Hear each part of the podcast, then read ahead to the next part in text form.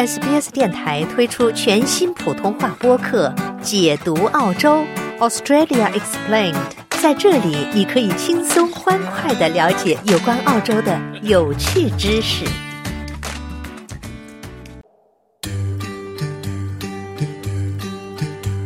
在澳洲生活对你意味着什么？是每天清晨新鲜的面包和咖啡香气，是广袤蓝天、金色沙滩、清澈海浪。是与家人共度时光，是感受不同的人生际遇。不不不，它也是是几代人的价值观碰撞。哎呀，妈，你就别管了，是期望和压力的交织。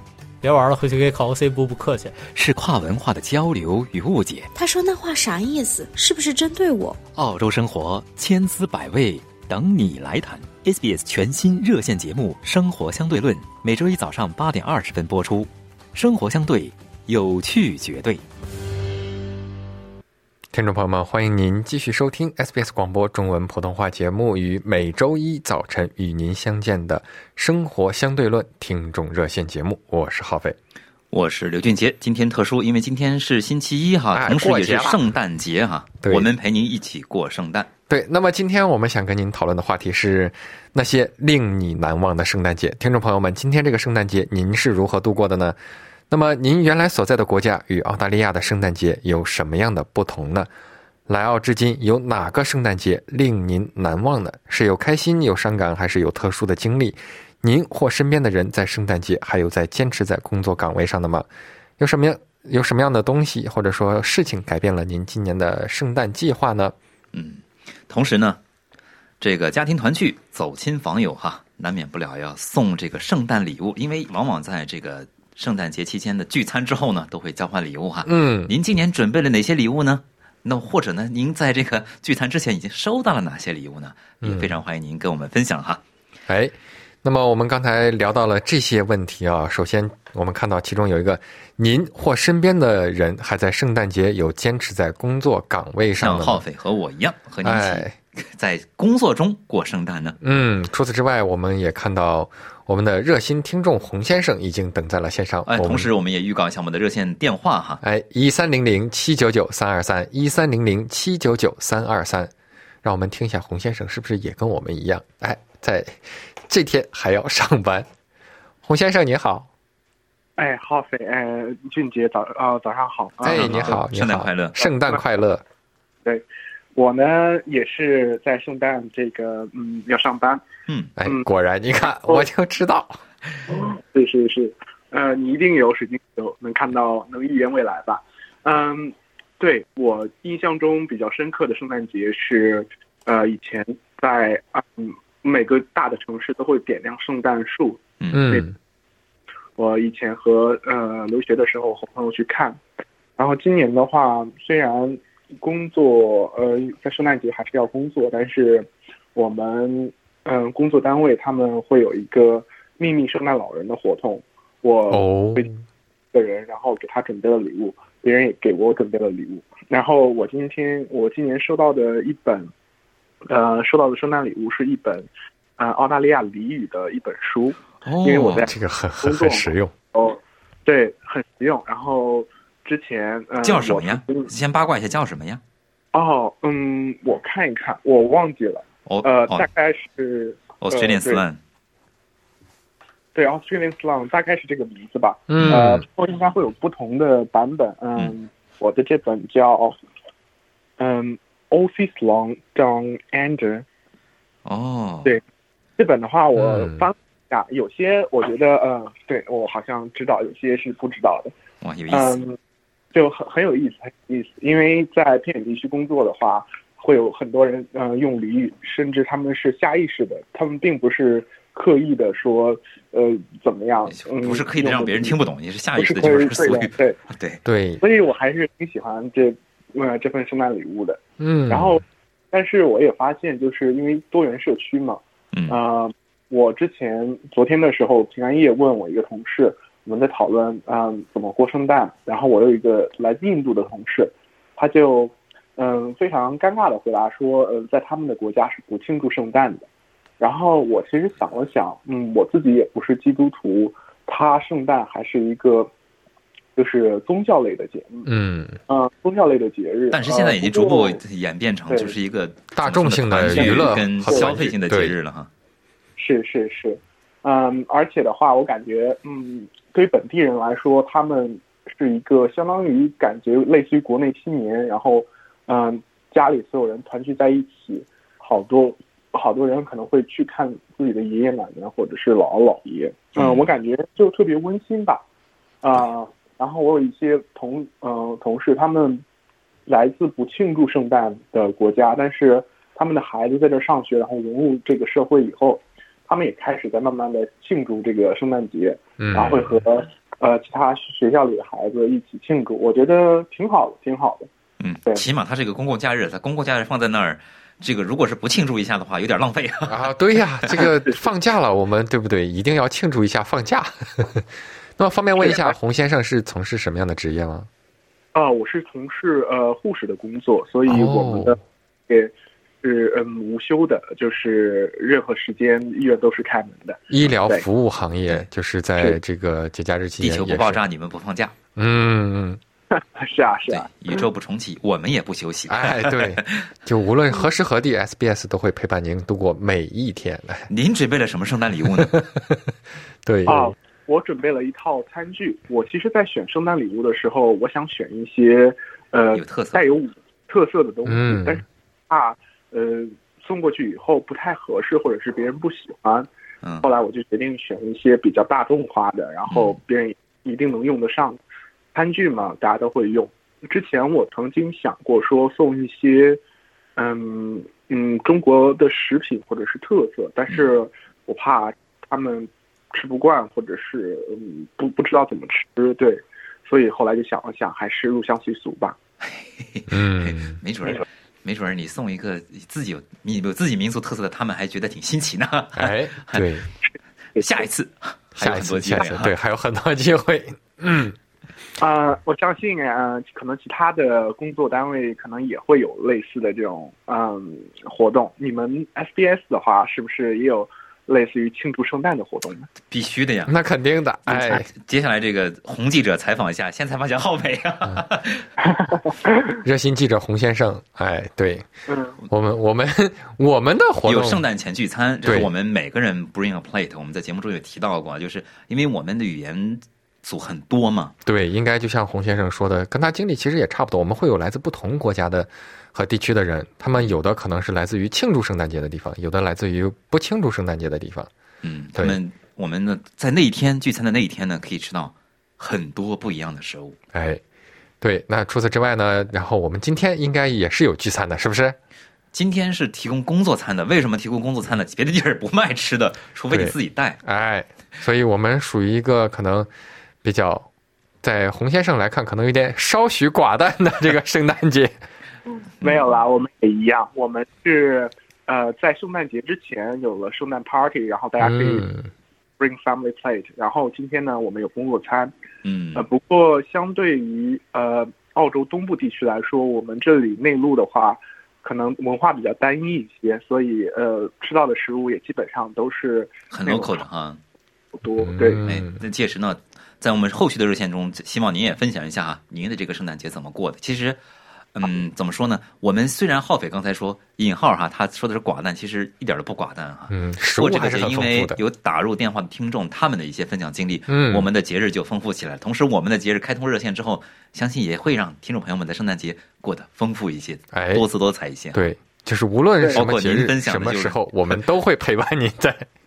对，您刚才分享的我觉得就觉得多姿多彩。嗯，对 SBS 对我们来说，呃，真的是一个呃全澳华人沟通的一个桥梁吧。然后我也从呃这个广播中听到，就是说别人的分享、别人的经历，我觉得是非常好的。特别是对于我们这些生活在偏远地区的人来说，我觉得算是一种精神食粮了。呃嗯您您这个电子谦虚了榨菜。平时平时您这个拿过来分享自己的经历，也让我们学到了不少东西哈。感谢您，，感谢洪先生的参与。对，嗯，好，谢谢您，祝您圣诞新年快乐哈。嗯，您也是。哎，那么，听众朋友，非常欢迎您呢继续拨打我们的热线电话一三零零七九九三二三一三零零七九九三二三来分享您这个圣诞节怎么过哈？包括啊哎有哪些圣诞节的这个过圣诞节的节日的这个经历让你是嗯难忘的？嗯，对于我来说可能比较难忘。我刚才在节目中跟大家提到过啊，就是我来澳至今的两次最难忘的圣诞节。第一次是刚来，俊杰，你可能就是嗯，因为刚从这个不过圣诞节的国家，可能就是中国在这方面只是庆祝，然后商场会促销，这一天反而会特别多的人上街，很热闹。但是在你没有在这些西方国家体验过圣诞节，你是不知道他们那一天全 全澳都会关门的。是不是有是不是出现了比较尴尬的一面呢？对非常吃了吧，没非常尴尬的一面，其实不是买吃的，是我差点回不了家。啊哦，对因为是这样的一个也受影响。呃，还不是，是这样一个情况，就是圣诞节前一天，那是 Christmas Eve 那一天，对，那天的下午呢，我的朋友从中国来找我，哎，我们一起订了这个 Airbnb，嗯然后那个 Airbnb 的房主就说啊，今天是 Christmas Eve，那么我们交接好后我就走了，晚上你也不要给我打电话，我们有庆祝 party。好的，哎，在我们上楼的时候啊，就是我们在楼下拿了钥匙，对，上楼的时候坐电梯嘛，然后我朋友拿着钥匙，拿拿着钥匙，我们就进了电梯。出电梯之前，我朋友就说：“你说出去这一瞬间，这个钥匙会不会掉到电梯缝里？”这句话刚说完，就掉到了电梯缝里。门一开，往前一走，然后因为是拿了行李箱，行李箱上有那个提手，然后就打到了提手上，打到提手上脱手之后，哎，就不偏不倚的这个钥匙就掉到了电梯缝里。那一天是圣诞节前节，哎，所以因为当时我刚来澳大利亚，我是在我的认知里，就是圣诞节应该是一个很热闹，大家都会出去玩，都会有就是营业打折促销，但是我发现就是在澳大利亚过的第一个圣诞节，就是令你难忘啊！令人难忘。本来应该大街上一个人都没有，就是你给开锁公司打电话，开锁公司也不会理你的。对呀，就这样的情况，那你们怎么怎么过呀？那可就是后来就又拨通了这个房东的电话，拨通房东电话就是你能明显听到这个房东都已经无语了，就是嗯就是感觉世界要毁灭那种不想来的感觉。然后呢，这个房东又是一个五大三粗的汉子，嗯你就是就自然而然对于这种犯错的人来说，就对他产生了一种 呃唯唯诺诺的口音，说求求了，来一下吧，要不然我们今天要露宿街头了。然后大哥过来问你俩谁把钥匙扔下去的？我我说是他，那确实是我朋友扔下去。然后大哥就说：“那你站一边，你不要过来。”就是此时也会感觉到，好像就是哎，你来到澳大利亚以后，你会觉得这也是一种文化差异吧？就是谁出的问题谁负责。但具体大哥跟他怎么沟通的，我就不太清楚了，因为这个人他本身英语可能也不是很好。嗯对，然后这个本地的房东大哥跟他 沟通完以后，给了他一把备用钥匙。但是我能确信的一点是，大哥千叮咛万嘱咐，你们俩不要再把钥匙弄丢了，这是最后最后的一把。如果这把钥匙再丢，大哥当时说是这个假会放到新年一月三号之后，那么我们将来就这一期间所有订的成呃订这个房间的人都没有办法入住。是啊，所以这是这个经历，真是难忘啊！对，这是我第一次在澳大利亚过圣诞节，分享他的难忘的圣诞经历啊！这也是我挺难忘的一次圣诞经历。那么稍事休息一下，稍后回来我们继续今天的热线节目。听众朋友们，欢迎回来，欢迎您继续参加我们的生活相对论听众热线节目。今天周一啊，又是时逢圣诞节，欢迎您拨打热线电话一三零零七九九三二三一三零零七九九三二三来分享您的圣诞经历。哎，您的圣诞经历以及您这个圣诞节是怎么过的？有什么计划哈？尤其是嗯这个圣诞 party 聚会之后哈，往往就是交换礼物的日子哈。您期待收到什么礼物，或者是已经收到什么礼物，计划送出去，或者已经送出去什么礼物哈？嗯非常欢迎您来分享啊您的圣诞故事哎，和经历哈。这也是我第一个过的不一样的圣诞节，是这是一个上班的圣诞节。对，非常荣幸的这个两个我们以平时新闻翻译中哈经常用到的一个词哈，essential workers 啊，哎就是翻译过来叫必要工作者。有两位必要工作者和大家一起过圣诞哈。对，今天还应该有机场的工作人员、医护工作者，包括可能有随时待命的消防员、医生、护士，所以我们也在此向这些 essential workers 表示敬意。对，嗯祝他们圣诞节快乐哈！同哎时也祝刚才我们刚才一位就是医务工作者哈，洪先生，嗯，他也是需要工作的哈。嗯，那么确实啊，之前来到澳大利亚体验了一个夏天的圣诞节，哎，这个无法进门的圣诞节，工作的圣诞节，以及还有就是这些。接下来我要分享我第二个圣诞经历啊，就俊杰对，听一下，可能能同时，听众朋友们也可以听了浩斐的圣诞经历之后呢，分享自己的圣诞经历。嗯热线电话依然是一三零零七九九三二三一三零零七九九三二三。我们陪您过圣诞的时候，也非常期待您参与一下哈，来分享一下您的圣诞故事和经历，来跟我们一起过圣诞。哎，我刚才说到的这个第二个难忘的经历是二零二零年的圣诞节。哦，这个是疫情期间啊，对，那会儿疫情有所好转，然后二零二零年的年底，各地就逐步的有放开，或者说临时在关闭、临时再放开这样子。有一个有一段阶段是反反复的对，对，然后我们就打算圣诞节从悉尼开车到阿德莱德去玩儿。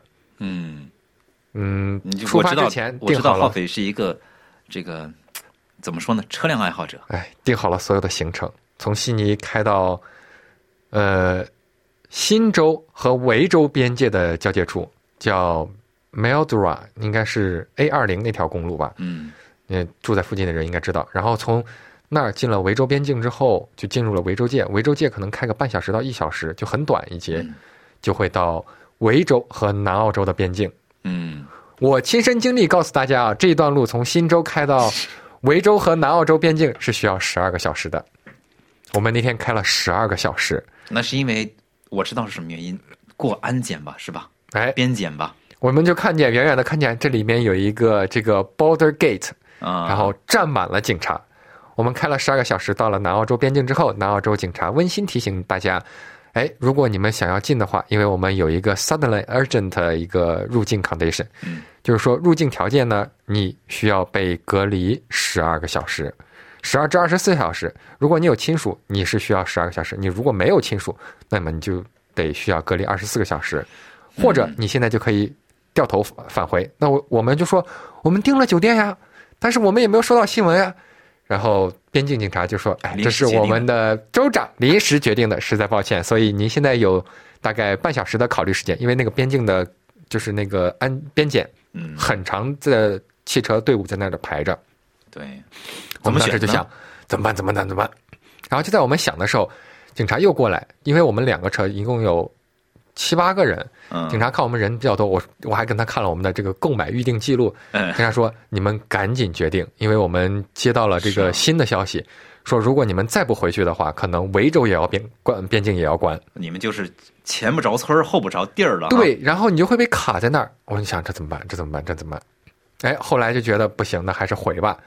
回呢，那就是让警察给我们在边境拍了一张照片，就是一张留警察纪念的吗？对，非常是留作纪念的还是为什么拍？为什么？就是非常有具有纪念意义的旅游纪念，让大家都看看开了十二个小时的圣诞假期，开始于早上的五点，结束于下午的五点。嗯，哎，然后真的非常险，就是我们当回到了这个维州境内的时候啊，就你们返回了是吗？对，我们先返回了维州境内，我们说在维州吃点东西，再不行去决定去墨尔本，嗯或者说再返回新州境内。但是此时呢，在维州境内，我们就发现有一些不对的情况了，因为我们从新州的边境进维州的那个 Mildura 那个镇，嗯那个地方从新州进维州边界是一个环岛，嗯，它有点像四个岔口那样的一个环岛。我们进来的时候只有一辆警车，等我们再返回来的时候，它已经变成三辆警车，然后拉起那个警戒线了。嗯然后我们就去过到那个边境口，我们就问警察，警察说维州今天也会关边境。当时听到这个消息，我们就说天霹雳呀！赶紧回，赶紧回。然后我们就从维州又回到了新州境内。回到新州境内的时候，就开始看，我们在路边有个加油站，就停下开始看嗯如何去找酒店。哦，当时因为这个政策，新州和维州边境小镇上的人困住了很多。当天晚上酒店爆满，就 motel 没有容身之处，就最后走了很远很远才找到。然后在这个地方，应该居住在附近的人应该知道，新州和维州的分界线是一条河，叫米尔多拉河。嗯那个小镇叫米尔多拉。我又不会游泳，我就在想，如果我当天晚上，如果就是 Christmas Eve 那天晚上，我就决定，哎，那我就游回去。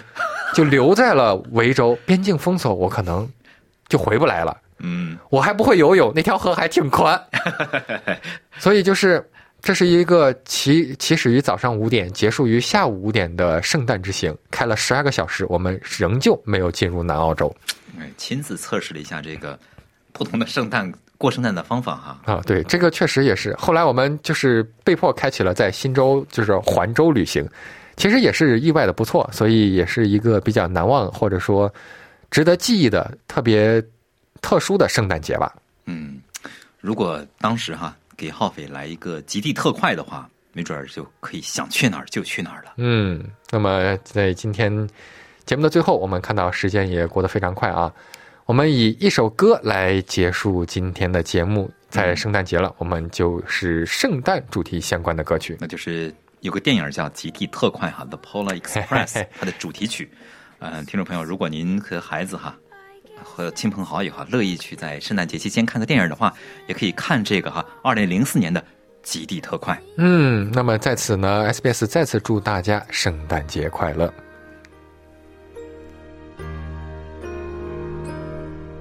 The best time of the year when everyone comes home with all this Christmas cheer. It's hard to be alone.